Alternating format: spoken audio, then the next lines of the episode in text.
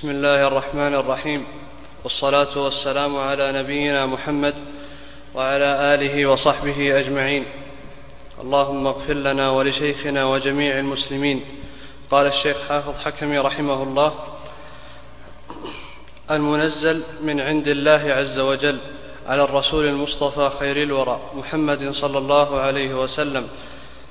قال الله تبارك وتعالى قولوا آمنا بالله وما أنزل إلينا وما أنزل إلى إبراهيم وإسماعيل وإسحاق ويعقوب والأسباط وما أوتي موسى وعيسى وما أوتي النبيون من ربهم لا نفرق بين أحد منهم ونحن له مسلمون وقال تعالى هو الذي أنزل عليك الكتاب منه آيات محكمات هن أم الكتاب هن أم الكتاب وأخر متشابهات فأما الذين في قلوبهم زيغ فيتبعون ما تشابه منه ابتغاء الفتنة وابتغاء تأويله وما يعلم تأويله إلا الله والراسخون في العلم يقولون آمنا به كل من عند ربنا. وقال تعالى إنا أنزلنا إليك الكتاب بالحق لتحكم بين الناس بما أراك الله وقال تعالى ألم تر إلى الذين يزعمون أنهم آمنوا بما أنزل إليك وما أنزل من قبلك يريدون أن يتحاكموا إلى الطاغوت وقد أمروا أن يكفروا به. وقال تعالى يا أيها الذين آمنوا آمنوا بالله ورسوله والكتاب الذي نزل على رسوله والكتاب الذي أنزل من قبل ومن يكفر بالله وملائكته وكتبه ورسله واليوم الآخر فقد ضل ضلالا بعيدا. وقال تعالى آمن الرسول بما أنزل إليه من ربه والمؤمنون. كل آمن بالله وملائكته وكتبه ورسله. لا نفرق بين أحد من رسله. وقال تعالى قل من كان عدوا لجبريل فإنه, فإنه نزله على قلبك بإذن الله مصدقا لما بين يديه وهدى وبشرى للمؤمنين. وقال تعالى يا أيها الذين أوتوا الكتاب آمنوا بما نزلنا آمنوا بما نزلنا مصدقا لما معكم من قبل أن نطمس وجوها فنردها على أدبارها. الآية وقال تعالى وإن من أهل الكتاب لمن يؤمن بالله وما أنزل إليكم وما أنزل إليهم خاشعين لله. الآية وقال تعالى لكن الراسخون في العلم منهم والمؤمنون يؤمنون بما أنزل إليك وما أنزل من قبلك. لكن الراسخون في العلم منهم والمؤمنون والمؤمنون يؤمنون بما أنزل إليك وما أنزل من قبلك. وقال تعالى لكن الله يشهد بما أنزل إليك أنزله بعلمه والملائكة يشهدون وكفى بالله شهيدا.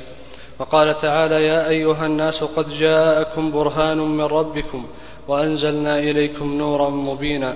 وقال تعالى واذكروا نعمة الله عليكم وما أنزل عليكم من الكتاب والحكمة يعظكم به وقال تعالى وأنزلنا إليك الكتاب بالحق مصدقا لما بين يديه من الكتاب ومهيمنا عليه وقال تعالى قل يا أهل الكتاب هل تنقمون منا إلا أن آمنا بالله وما أنزل إلينا وما أنزل من قبل وقال تعالى يا أيها الرسول بلغ ما أنزل إليك من ربك وإن لم تفعل فما بلغت رسالته والله يعصمك من الناس. وقال تعالى وهذا كتاب أنزلناه مبارك مصدق الذي بين يديه ولتنذر أم القرى ومن حولها. وقال تعالى أفغير الله أبتغي حكما وهو الذي أنزل إليكم الكتاب مفصلا. والذين آتيناهم الكتاب يعلمون أنه منزل من ربك بالحق. فلا تكونن من الممترين. وقال تعالى وهذا كتاب أنزلناه مبارك فاتبعوه. وقال تعالى ألف لام ميم صاد. كتاب أنزل إليك فلا يكن في صدرك حرج منه لتنذر به وذكرى للمؤمنين. اتبعوا ما أنزل إليكم من ربكم ولا تتبعوا من دونه أولياء. قليلا ما تذكرون. وقال تعالى وإن كنتم في ريب مما نزلنا على عبدنا فأتوا بسورة من مثله. وقال تعالى وإذا أنزلت سورة أن آمنوا بالله وجاهدوا مع رسوله استأذنك أولو الطول منهم. وقال تعالى وإذا ما أنزلت سورة فمنهم من يقول أيكم زادته هذه إيمانا. فأما الذين آمنوا فزادتهم إيمانا. وقال تعالى وإذا ما أنزلت سورة نظر بعضهم إلى بعض. هل يراكم من أحد ثم انصرفوا؟ وقال تعالى فإن لم يستجيبوا لكم فاعلموا أنما أنزل بعلم الله. وقال تعالى ألف لام را. كتاب أنزلناه إليك لتخرج الناس من الظلمات إلى النور بإذن ربهم إلى صراط العزيز الحميد. وقال تعالى ألف لام را. تلك آيات الكتاب المبين. إنا أنزلناه قرآنا عربيا لعلكم تعقلون. وقال تعالى ألف لام ميم را تلك آيات الكتاب والذي والذي أنزل إليك من ربك الحق. وقال تعالى وكذلك أنزلناه حكما عربيا. وقال تعالى إنا نحن نزلنا الذكر وإنا له لحافظون. وقال تعالى ينزل الملائكة بالروح من أمره على من يشاء من عباده أن أنذروا أنه لا إله إلا أنا فاتقون. وقال تعالى ونزلنا عليك الكتاب تبيانا لكل شيء. وقال تعالى وما أنزلنا عليك الكتاب إلا لتبين لهم الذي اختلفوا فيه. وقال تعالى وأنزلنا إليك الذكر لتبين للناس ما نزل إليهم. وقال تعالى وإذا بدلنا آية مكان آية. وإذا بدلنا آية مكان آية والله أعلم بما ينزل. قالوا إنما أنت مفتر. بل أكثرهم لا يعلمون. قل نزله روح القدس من ربك بالحق ليثبت الذين آمنوا وهدى وبشرى للمسلمين. وقال تعالى وبالحق أنزلناه وبالحق نزل وما أرسلناك إلا مبشرا ونذيرا. وقرآنا فرقناه لتقرأه على الناس على مكث ونزلناه تنزيلا. وقال تعالى الحمد لله الذي أنزل على عبده الكتاب ولم يجعل له عوجا قيما. وقال تعالى لقد أنزلنا إليكم كتابا فيه ذكركم أفلا تعقلون؟ وقال تعالى وهذا ذكر مبارك أنزلناه أفأنتم له منكرون؟ وقال تعالى وكذلك أنزلناه آيات بينات وأن الله يهدي من يريد. وقال تعالى وكذلك أنزلناه قرآنا عربيا وصرفنا فيه من الوعيد. وقال تعالى ولقد أنزلنا إليكم آيات مبينات ومثلا من الذين خلوا من قبلكم وموعظة للمتقين.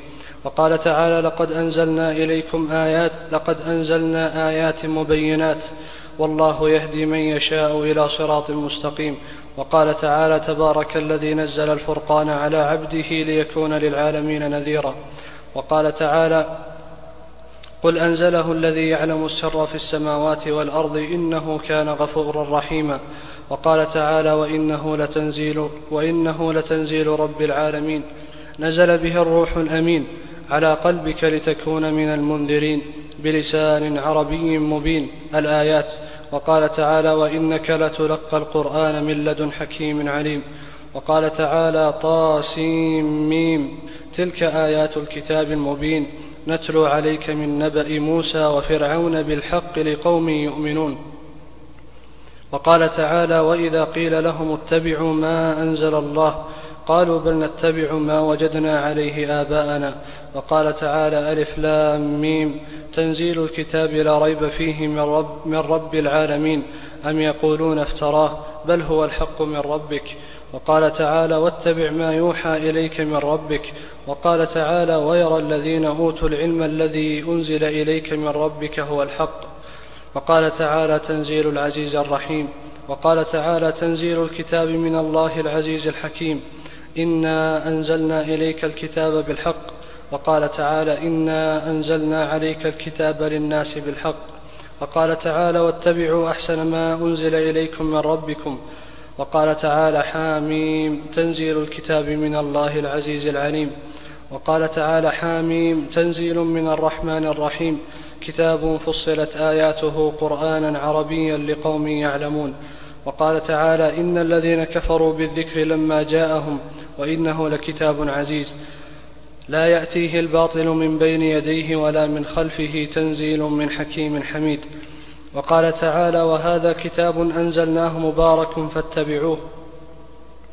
وقال تعالى كتاب أنزلناه إليك مبارك ليدبروا آياته وليتذكر أولو الألباب. وقال تعالى حاميم والكتاب المبين إنا أنزلناه في ليلة مباركة. وقال تعالى تنزيل الكتاب من الله العزيز الحكيم. وقال تعالى فلا أقسم بمواقع النجوم وإنه لقسم لو تعلمون عظيم. إنه لقرآن كريم في كتاب مكنون لا يمسه إلا المطهرون تنزيل من رب العالمين. وقال تعالى لقد أرسلنا رسلنا بالبينات وأنزلنا معهم الكتاب والميزان ليقوم الناس بالقسط. وقال تعالى هو الذي ينزل على عبده آيات بينات.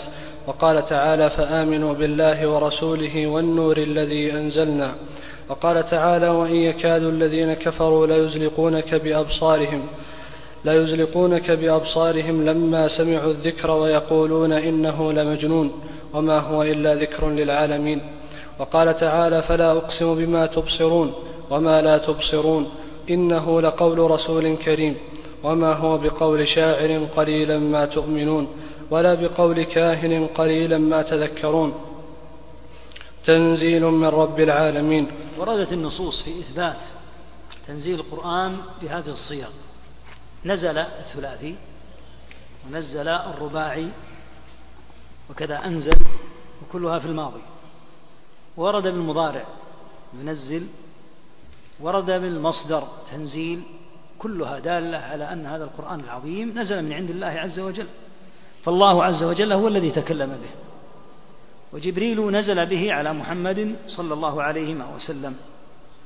وكما دلت هذه الآيات على أن القرآن منزل فإنها دلت على علو الله عز وجل. فإن من أدلة علو الله تعالى التعبير بلفظ التنزيل مما يأتي من عنده سبحانه. كما أن من أدلة علوه تعالى التعبير بالصعود والعروج والارتفاع إليه سبحانه وتعالى. فلا شك أن القرآن تكلم به رب العالمين وسمعه جبريل عليه الصلاة والسلام ونزل به جبريل على محمد عليه الصلاة والسلام كما قال تعالى نزل به الروح الأمين على قلبك لتكون من المنذرين. كل هذا بيان لقوله رحمه الله المنزل والتنزيل كثير جدا ذكره في القرآن ولهذا يسمى القرآن بالتنزيل. نعم. وقوله تعالى في هذه الآية إنه لقول رسول كريم يعني به محمدا صلى الله عليه وسلم وفي سورة التكوير يعني به جبريل. ومعنى الإضافة في كلا الآيتين إنما هو التبليغ لأن من حق الرسول أن يبلغ عن المرسل لا أن القرآن كلام الرسول الملكي ولا البشري كما بين تعالى ذلك بقوله تنزيل من رب العالمين. وقال تعالى إنا أنزلناه في ليلة القدر. في ليلة القدر. وقال تعالى الرحمن علم القرآن. وقال تعالى نحن نقص عليك أحسن القصص بما أوحينا إليك هذا القرآن. وقال تعالى وكذلك أوحينا إليك روحا من أمرنا. والآيات في هذا الباب كثيرة جدا. بل القرآن كله من فاتح بل القرآن كله من فاتحته إلى خاتمته. يشهد بأنه كلام الله. وتنزيله وقصصه وتعليمه وألفاظه ومعانيه وإيجازه وإعجازه يرشد إلى أنه كلام الخالق عز وجل وصفته وأنه لا يستطيع البشر الإتيان الإتيان بصورة من مثله وأنه, لا يستطيع البشر الإتيان الإتيان. وأنه لا يستطيع البشر الإتيان بصورة من مثله. إضافة القرآن لجبريل في قوله تبارك وتعالى إنه لقول رسول كريم. وإضافته أيضا لمحمد صلى الله عليه وسلم ينبغي أن يعرف المراد بها. فهو مضاف إليهما من جهة أنهما هما اللذان أبلغاه. فجبريل أبلغه محمدا ومحمد صلى الله عليه وسلم أبلغه الناس. الكلام لا شك أنه كلام الله. ولهذا سمي جبريل بالرسول. وسمي محمد صلى الله عليه وسلم بالرسول. تسميتهما بالرسول دال على أن معهما رسالة من مرسل. فالمرسل هو الذي تكلم. ومهمة الرسول إبلاغ رسالة المرسل. أما لو كان الكلام منهما لما كان رسولين لكان الكلام منهما ابتداء. فتسميتهما بالرسول في الموضعين هنا يدل على أن الكلام ليس منهما لأنه لو كان منهما كيف يكون الكلام من جبريل ومن محمد؟ وإنما المقصود أنهما عليهما صلاة الله وسلامه. لما كانا رسولين يبلغان رسالة رب العالمين كلامه الذي تكلم به ذكر الله تعالى قوله إنه لقول رسول كريم. فهو قول حمله هذا الرسول الكريم وأبلغه الناس لأن مهمة الرسول إبلاغ رسالة من أرسله. ولهذا وصف جبريل بالأمين. نزل به الروح الأمين. ذكر الأمانة المقصود به بيان أنه لم يزد ولم ينقص وإنما بلغ الرسالة التي سمعها من رب العالمين سليمة بعيدة عن أي زيادة أو نقصان. فتسميته بالأمين أيضا يبين أن المقصود أنه حمل رسالة من رب العالمين وأبلغها وأداها كما ينبغي. ولهذا قال صلى الله عليه وسلم أيضا كما سيأتي في النبي صلى الله عليه وسلم ولو تقول علينا بعض الأقاويل لأخذنا منه باليمين الآيات. فدل على أنه عليه الصلاة والسلام لا يتقول القول حاشاه عليه الصلاة ولا يتكلم الكلام من قبل نفسه وإنما هو كما قال تعالى وما ينطق عن الهوى. ما هو إذن؟ إن هو إلا وحي يوحى. ولهذا قال ولو تقول علينا بعض الأقاويل لأخذنا منه باليمين. فدل على أن محمدا يبلغ وعلى أن جبريل يبلغ. ولهذا قال تعالى يا أيها الرسول بلغ ما أنزل بلغ ما أنزل إليك. فدل على أن ثمة كلاما أنزله الله تعالى مهمة محمد صلى الله عليه وسلم هي البلاغ. ولهذا قال تعالى فهل على الرسل إلا البلاغ؟ فهل على الرسل إلا البلاغ المبين؟ وقال تعالى إن عليك إلا البلاغ. فقوله تعالى إنه لقول رسول كريم ليس المقصود أن القول منه وإلا لما كان في قول كفار قريش إن هذا إلا قول البشر إشكال. فإن الوليد لما قاله وعده توعده الله بأن يصليه سقر فلو كان القول من رسول الله لكان كلامه معاذ الله حقا. ولهذا أصلاه الله سقر وعاقبه هذا العقاب العظيم لأنه زعم أن كلام الله تعالى أنه كلام محمد صلى الله عليه وسلم. فلهذا هذه الآية ينبغي أن يعرف المراد بها. إضافة القول للرسولين يدل على أنه ليس منهما لأنه لو قيل أن هذا قول جبريل فكيف يكون قولا لمحمد؟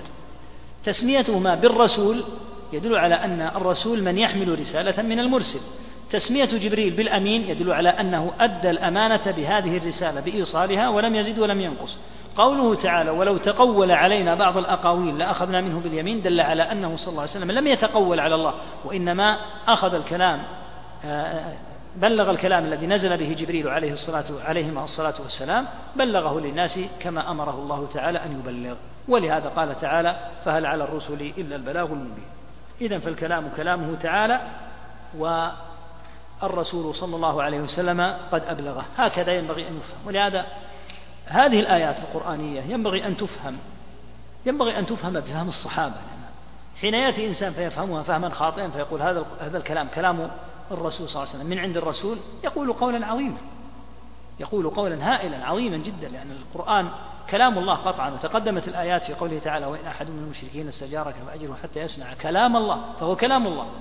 فقوله تبارك وتعالى هنا إنه لقول رسول كريم. لا يعارض هذا معاذ الله. وإنما المقصود أن هذا الرسول الذي سمي بالرسول والرسول يحمل رسالة قد بلغ الأمة كلام الله الذي أنزله عليه. نعم. وقد أقر بذلك كل عاقل حتى المشركون. كما قال أكفر قريش الوليد بن المغيرة لما قرأ عليه رسول الله صلى الله عليه وسلم القرآن فرجع إلى قومه فقال أبو جهل قل فيه قولا يبلغ قومك يبلغ قومك أنك منكر له. قال وماذا أقول فيه؟ فوالله ما منكم رجل أعرف بالأشعار مني ولا أعلم برجزه ولا بقصيده مني ولا بأشعار الجن. والله ما يشبه الذي يقول شيئا من هذا ووالله إن لقوله الذي يقول حلاوة وإن عليه لطلاوة وإنه لمثمر أعلاه مغدق أسفله وإنه ليعلو ولا يعلى. وإنه ليحطم ما تحته. قال لا يرضى عنك قومك حتى تقول فيه. قال قف حتى أفكر فيه. فلما فكر قال إن هذا إلا سحر يؤثر يأثره عن غيره. فنزلت ذرني ومن خلقت وحيدا وجعلت له مالا ممدودا وبنين شهودا. الآيات. رواه البيهقي وغيره. ويروى عن عتبة حين قرأ عليه رسول الله صلى الله عليه وسلم حاميم السجدة نحو, نحو ذلك وكذا أبو جهل قبحهم الله. فتبين بهذا أن قولهم فيه سحر شعر كهانة وغير ذلك من مفترياتهم إنما قالوه عنادا ومكابرة. وإلا فقد استيقنوا أنه لا يدخل تحت طوق أحد من البشر. لا شك أنهم معاندون. فالله تعالى تحداهم لما زعموا أنه من كلام البشر تحداهم ألستم بشرا؟ تحداهم عن أن يأتوا بمثله. تحداهم أن يأتوا بمثله تحداهم أن يأتوا بعشر سور تحداهم أن يأتوا بسورة من مثله.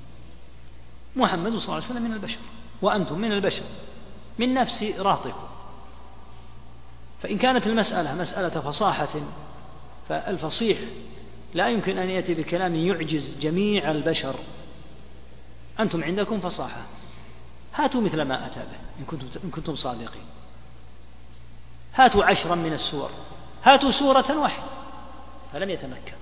وعجزوا لماذا؟ لأن كلام الله تبارك وتعالى صفة من صفاته وصفاته تعالى لا تشبه صفات البشر. فكما أنك لا يمكن أن تعلم كما يعلم الله سبحانه وتعالى فلا يمكن أن يكون كلام الله ككلامك بتاتا. فالقرآن كلام الله لأنه صفة من صفاته تعالى. الكلام صفة من صفات الله فلا يمكن أن يكون مثل كلام البشر.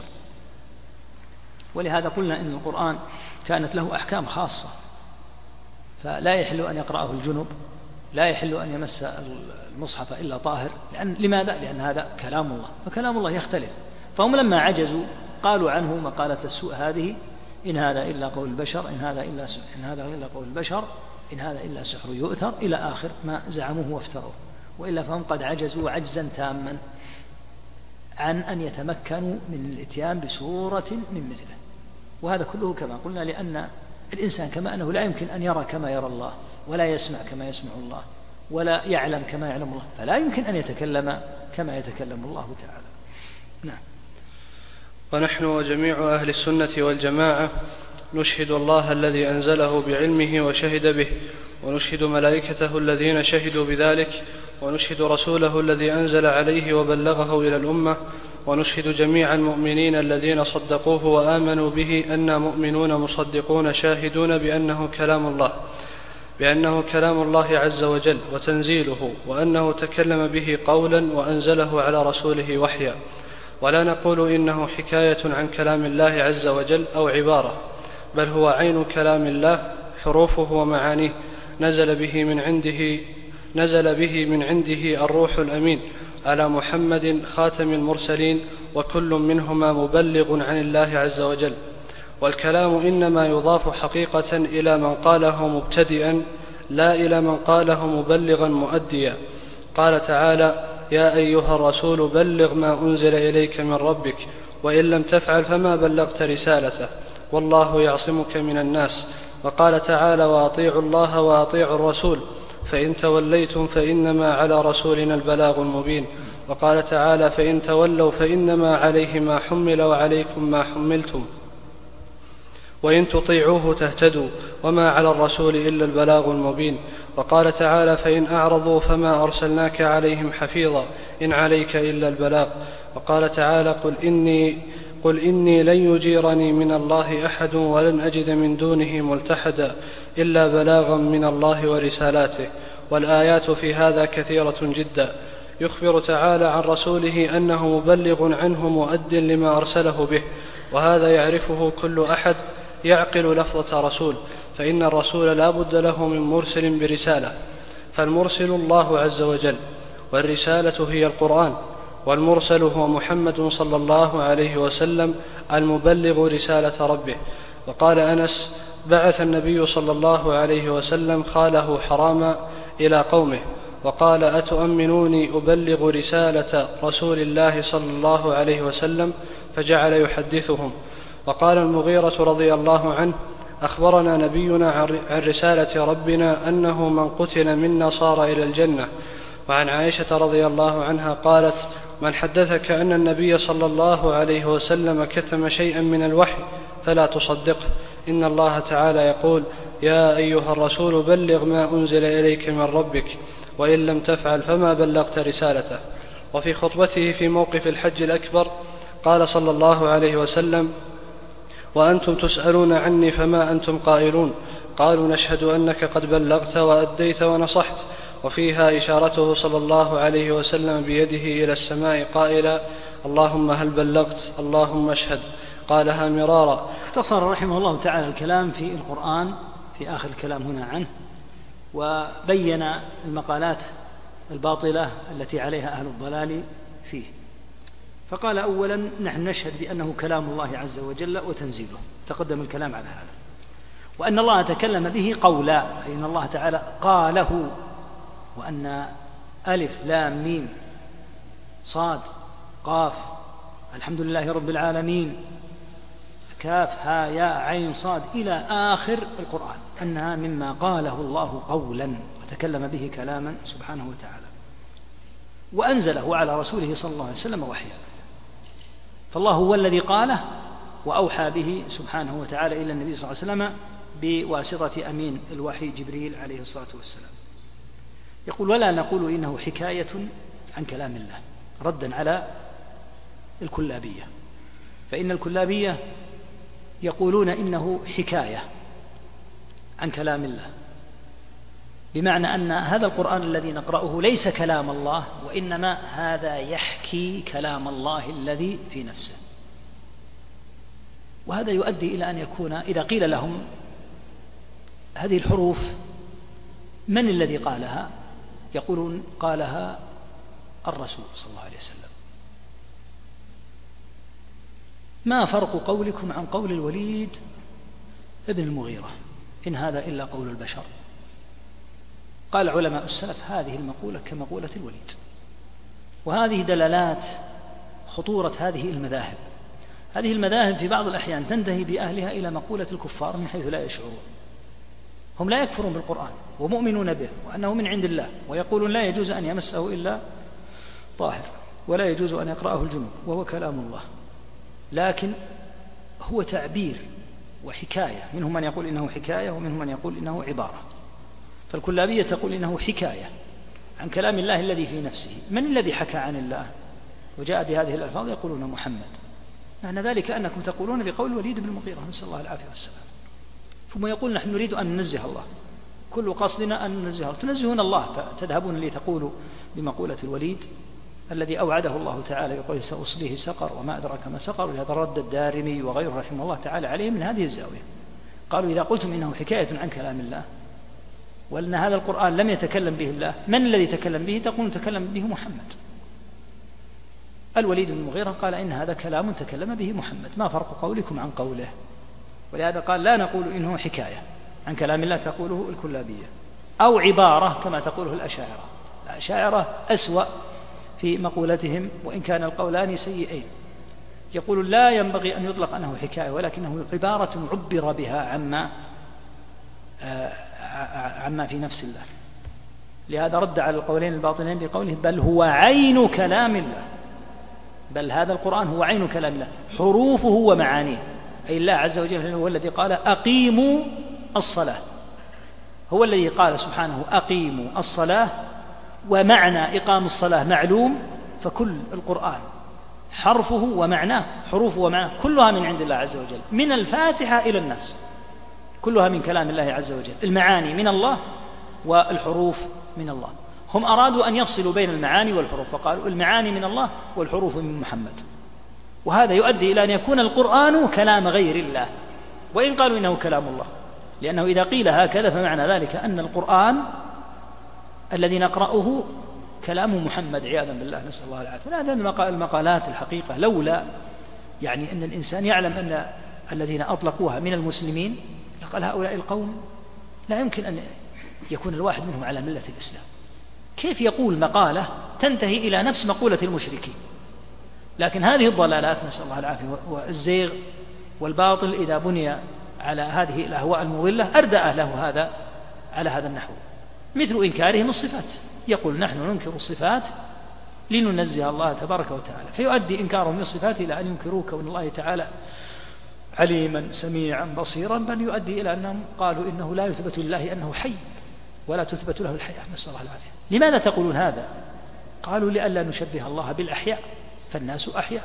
قال سبحان الله. هل حياة الله كحياة غيره؟ ألم تسمعوا قوله تعالى وتوكل على الحي الذي لا يموت حتى تفهموا أن حياة الله غير غير حياة غيره؟ سبحانه ألم تقرأوا قوله تعالى وما أوتيتم من العلم إلا قليلا؟ وقال عن علمه وعنده مفاتح الغيب لا يعلمها إلا هو ويعلم ما في البر والبحر الآية فعلم الله غير علم الناس. حياة الله غير حياة الناس. حياة الناس مسبوقة بعدم. ومتبوعة بوفاة. أما الله تعالى فلم يسبق بعدم ولا يمكن أن يفنى سبحانه وتعالى. كل من عليها فان ويبقى وجه ربك ذو الجلال والإكرام. هو الأول والآخر. قال صلى الله عليه وسلم اللهم أنت الأول فليس قبلك شيء وأنت الآخر فليس بعدك شيء. فلا تقاس حياة الله بحياة المخلوق لأن المخلوق ما يفهم من الحياة إلا حياة مبتدأة وحياة منتهية. ولهذا يقر باليوم الآخر المسلم لأنه يعلم أنه تستأنف به حياة أخرى. أما الله فلا يحل أن تشبه حياته بحياة المخلوق. وهذا بإجماع المسلمين أن حياة الله عز وجل ليست كحياة المخلوق لكن قالت الجهمية بهذا. نسأل الله العافية. وهكذا بقية الصفات. فلما جاء الكلام قيل كلام الله تبارك وتعالى ليس ككلام المخلوق. كلام الله تبارك وتعالى لو أنزله الله تعالى على جبل لرأيته خاشعا متصدعا من خشية الله ولولا أن الله يسر هذا القرآن لما استطاع أحد أن يقرأه كما قال ابن عباس. يقول لولا أن الله يسره ما استطاع أحد أن يقرأه لأنه كلام الله. ولهذا هذه المقالات المردية أدت إلى هذه هذا الانتهاء الذي ينتهي بعض الأحيان بنفس مقولة المشركين. لأنهم إذا نفوا عن الله تعالى أن تكون الحروف منه قالوا إن الحروف من محمد صلى الله عليه وسلم فصاروا يقولون بنفس قول المشركين. نزل به الروح الأمين على محمد صلى الله عليه وسلم وتكلم تقدم الكلام على آه، كونهما رسولين. يقول والكلام إنما يضاف إلى من ابتدأه وقاله لا إلى من بلغه. أو قال والكلام يضاف حقيقة إلى من قاله مبتدئا لا إلى من قاله مبلغا مؤديا. يعني ولله المثل الأعلى. لو أن أحدا قال لك اذهب إلى أخي وأبلغه أني سأسافر الساعة الفلانية. فذهبت إليه وقلت يا فلان أخوك يقول إن إنه سيسافر الساعة الفلانية. الآن القول إني سأسافر. الذي سيسافر الرسول أو الذي أرسله. محلوم عند جميع الناس أن الكلام هذا هو كلام المبتدئ لا كلام المبلغ. ولهذا الرسول وإن فيما بين البشر وإن, أرس وإن أبلغ قولا غير جيد فيما بين البشر فإن في عرف. من عندهم عرف يفهم أن الرسول لا يقتل. مع أنه يبلغ كلاما في بعض الأحيان يغيظ من أبلغه. ولهذا النبي صلى الله عليه وسلم لما أتاه رسول مسيلمة وزعم أن مسيلمة هو رسول الله قال ما تقولان أنتما؟ قال نحن على, نحن على قوله قال لولا أن الرسل لا تقتل لقتلتكم. فإن القول الخبيث الذي قاله مسيلمة أنه أشرك مع النبي صلى الله عليه وسلم في الرسالة قول كفري. الرسولان أوصله. لهذا سألهما فالنبي صلى الله عليه وسلم سألهما لاحتمال أنهما يقولان إنا نبلغك قوله وإنا به كافرون وإنا بك مؤمنون. فلما قال إنهما على نفس قوله قال لولا أن الرسل لا تقتل لقتلتكما. فالذي يبلغ كلام غيره لا يمكن أن يقول هذا كلامي ولا يمكن إذا وصل إلى من أرسل إليهم أن يقولوا إن هذا كلامك. هذا كلام من ابتدأ. أما أنا فأنا مبلغ ولهذا قال تعالى إن عليك إلا البلاغ. هل على الرسل إلا البلاغ؟ بلغ ما أنزل إليك من ربك وإن لم تفعل فما بلغت رسالته. فقط على الرسل بلاغ. لهذا الكلام لا يضاف إلى جبريل ومحمد إلا على سبيل أنهما بلغاه لا على سبيل أنهما ابتدأه وإلا لما قال الله تعالى وإن أحد من المشركين استجارك فأجره حتى يسمع كلام الله. بل قال كلام جبريل أو قال كلام محمد. ثم قال رحمه الله تعالى تأكيدا على ما تقدم ذكر هذه الروايات. قول أنس بعث النبي صلى الله عليه وسلم خاله حراما يعني خال أنس وليس المقصود أنه خال النبي صلى الله عليه وسلم إنما هذا خال أنس حرام رضي الله عنه اسمه حرام.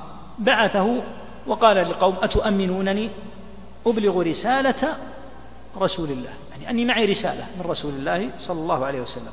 وقال المغيرة رضي الله عنه للفرس أخبرنا نبينا عن رسالة ربنا. هذا الإخبار الذي أخبرناه صلى الله عليه وسلم من أين أتى به؟ رسالة من ربنا سبحانه وتعالى. فلا شك أن الأشياء هذه كلها من القرآن والوحي جاءت من عند الله تعالى.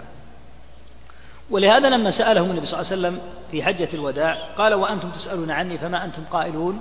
قالوا نشهد أنك قد بلغت. بلغت هذا الذي أنزل إليك هذا المعنى. كما قال تعالى بلغ ما أنزل إليك. فلا شك أن النبي صلى الله عليه وسلم لم يقل الكلام من تلقاء نفسه وإنما أبلغه صلى الله عليه وسلم وجبريل عليه الصلاة والسلام وعلى نبينا وسائر الأنبياء والمرسلين والملائكة عليهم الصلاة والسلام.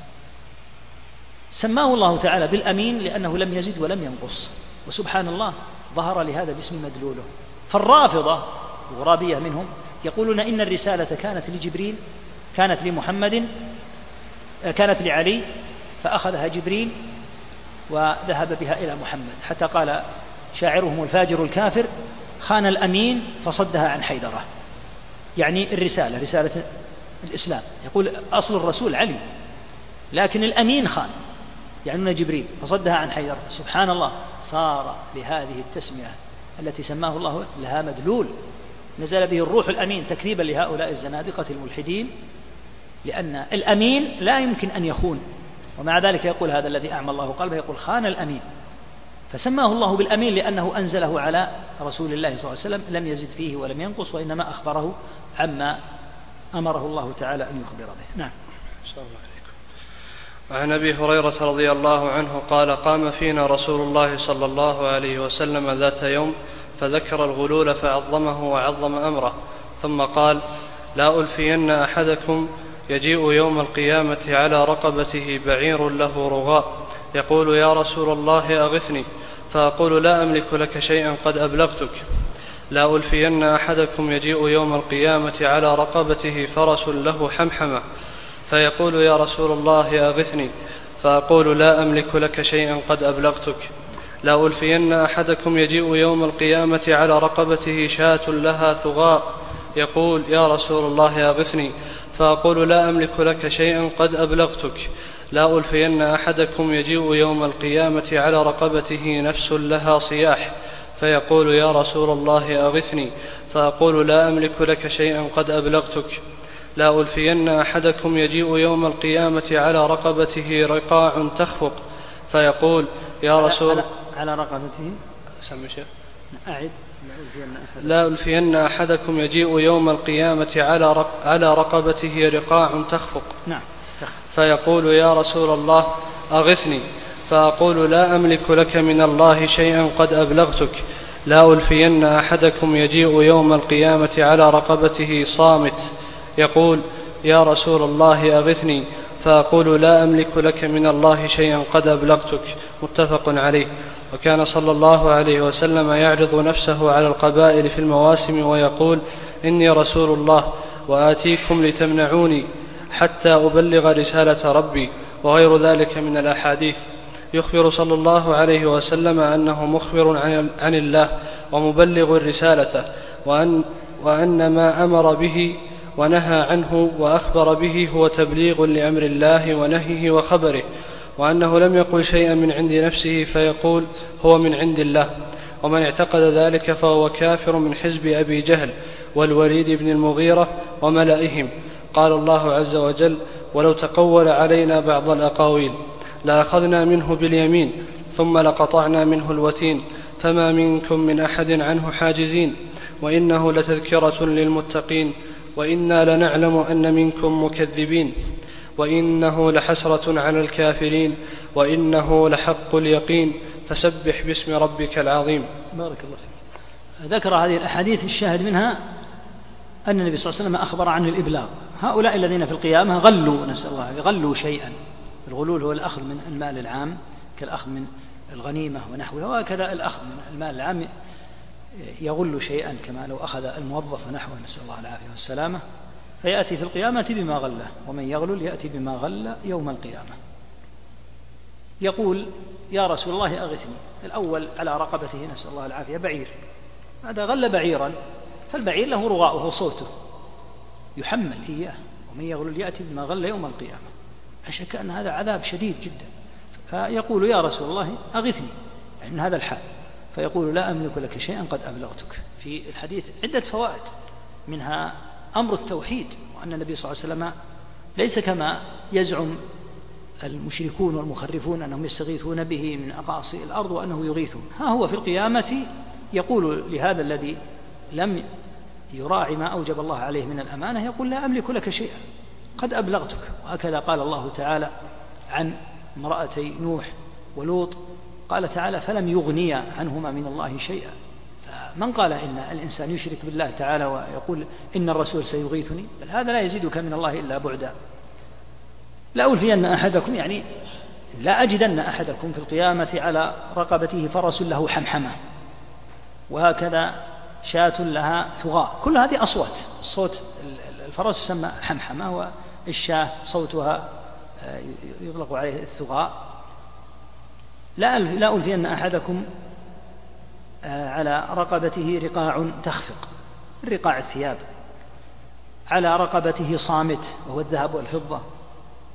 فأقول لا أملك لك من الله شيئا قد أبلغتك. شاهد قوله قد أبلغتك. وهكذا كان صلى الله عليه وسلم يعرض نفسه في المواسم على القبائل.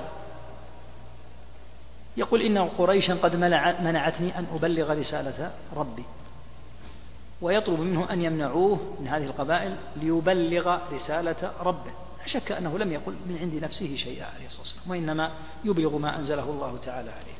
الشيخ حافظ رحمه الله من أسلوبه في الكتاب أنه يكثر من سرد النصوص وهذه وهذا فيه فائدة كبيرة لطالب العلم كما قلنا أكثر من مرة يعني إذا أردت أن تجد الآيات التي فيها ذكر القدر الآيات التي فيها ذكر آه، نزول القرآن الآيات التي ذكر التي فيها ذكر أن القرآن كلام الله كل هذه الآيات يسعى إلى حصر شيء كثير منها قدر المستطاع كما رأيت هنا ويجدها طالب العلم موجودة أمامه. بارك الله فيك.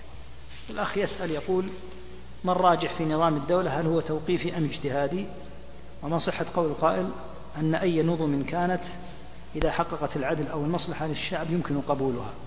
هذا لا يعرف الإسلام حق المعرفة. الإسلام ولله الحمد. مفصل السياسة الشرعية مفصلة تفصيلا عظيما. ما الذي للحاكم؟ ما الذي عليه؟ ما الذي للرعية؟ ما الذي على الرعية؟ ما الأحكام في حال السلم؟ ما الأحكام في حال الحرب؟ ما جميع الأحكام المرتبطة بالأمة ولله الحمد مفصلة. المقصود أن تطبق. أما أن يكون أي نظام يحقق العدل أو المصلحة فيمكن قبوله. ما ضابط العدل؟ ما ضابط المصلحة؟ العدل محدد شرعا حتى العدل شرعا محدد والمصلحة مقدرة تقدر شرعا. فهذا كلام في غربة الدين. لا يقال إلا في أوقات فيها غربة في الدين. يعني يظن الظانون أن دين الإسلام معاذ الله فيه قصور وأنه لا يجاري الأنظمة وأن الأحوال السياسية متفوقة عالية لا يصلها الإسلام. وأبى الله عز وجل في الأزمة الاقتصادية الماضية إلا أن ينطق حتى الملاحدة بعظمة نظام الإسلام الاقتصادي وإقرارهم أن النظام العالمي بالوضع الذي هو عليه الفوضوي هذا أنه خطر على البشرية وأنه لا بد من الاستفادة حتى قالت قال قاله زعيم الفاتيكان وقاله الفرنسيون على كفرهم وإلحادهم. لا بد من الاستفادة من الاقتصاد الإسلامي لا حب في الإسلام ولكن لأن في الاقتصاد الإسلامي ضمانات حقيقية ينتفع بها حتى الكفار لو طبقوها. فالإسلام في اقتصاده في سياسته في اجتماعه في آدابه في عقيدته في سائر أحكامه هو الذي لا يحقق فقط المصلحة الأخروية بل يحقق المصلحة حتى الدنيوية. فمصلحة الدين والدنيا فمصلحة الدنيا والآخرة في إقامة هذا الدين في سياسته في اجتماعه في أخلاقه في تعامله في اقتصاده في سائر المناحي. فهذا هذا القول قول من لا يعي آه، مقالة الإسلام وقدر دين الله عز وجل. وقوله وما موقف الإسلام من ثقافة المجتمع وتقليده أحكام. أحكام هي مجموعة من الأحكام. هناك تقاليد لا إشكال فيها مباحة. فمثلا الألبسة. الإسلام لا يفرض على العجم أن يلبسوا لباس العرب. ولا يفرض على مثلا مثلا من كان في إفريقيا لهم ملابس خاصة أن يلبسوا لباسنا في المملكة. هذا لا يقال. قال كل لباس ضابط. كل لباس لا محظور فيه فالناس يلبسونه ويتفاوتون فيه. فلا إشكال أن يلبس الناس هنا لباسا ويلبس غيرهم لباسا بشرط ألا يكون فيه تشبه بالكفار أو تشبه من قبل النساء بالرجال أو الرجال بالنساء أو أن يكون فيه ما يبدي العورات أو أن يكون من الحرير أو نحوه. إذا خلا من هذا فهذه تقاليد يتفاوت فيها الناس لا بأس. ولهذا لا يصلح أنك إذا رأيت إنسانا من دولة من الدول لهم لباسهم من المسلمين تسخر باللباس. ما يصلح. هذا لباس من ألبستهم وإن استغربته وإن كان عجيبا وإن كان لأول مرة تراه. أليس لباس مسلمين؟ أليس لباس لا يظهر عوراتهم؟ أليس لباسا ليس فيه تشبه بكفار ولا رجال بنساء أو نساء برجال؟ تريد الناس أن تلبس لباسك؟ اللباس الأصل فيه الإباحة ما تستطيع أن تلزم الناس بأن يلبسوا لباسك. وهكذا بقية الأمور. مثل ما يقع في الأعراس والزواجات. الأصل أنه مباح. فيفرح أهل البلاد المعينة بطريقة. بل البلد الواحد تجد أن أهل الجنوب مثلا عندنا يفرحون بطريقة. في أعراسهم وزواجاتهم. أهل الشمال بطريقة. أهل الوسط بطريقة. أهل الغربية بطريقة. يتش... يعني يشبه بعضهم بعضا في بعض المسائل. وينفردون عن أمور أخرى في مسائل. لا بأس. ما فيه إشكال. إلا إذا وجد ما فيه حرمة. أما أن نطلب إلى الناس كلهم أن يكون فرحهم مثل فرحنا لهم طرقهم في الفرح لا بأس ما فيه إشكال. البناء تريد أن تبني بيتا هناك من يريد أن يزوق بيته بطريقته وبعرفه ما في إشكال ما في هذا بأس. ليفعل في بيته ما شاء إلا إذا وجد محرم. فالأصل في هذه المسائل هو الإباحة. الأصل فيها جميعا أنها مباحة وهذا من من دلائل كمال الشرع ومن دلائل كونه للناس أجمعين. ما جاء الإسلام بأحكام لأهل مكة خاصة بهم لا تصلح إلا لهم وعممها على البشر أو للعرب وعممها على البشر معاذ الله؟ ولهذا الأصل في هذه الأمور هو الإباحة. ولهذا مسافة المباح في الشرع أكثر الأحكام في الشرع ليست المحرمة المباحة. المآكل ماذا تأكل؟ لا تقل ماذا آكل قل ما الذي يحرم أن آكله. تعدد عليك المحرمات وبعدها كل ما شئت.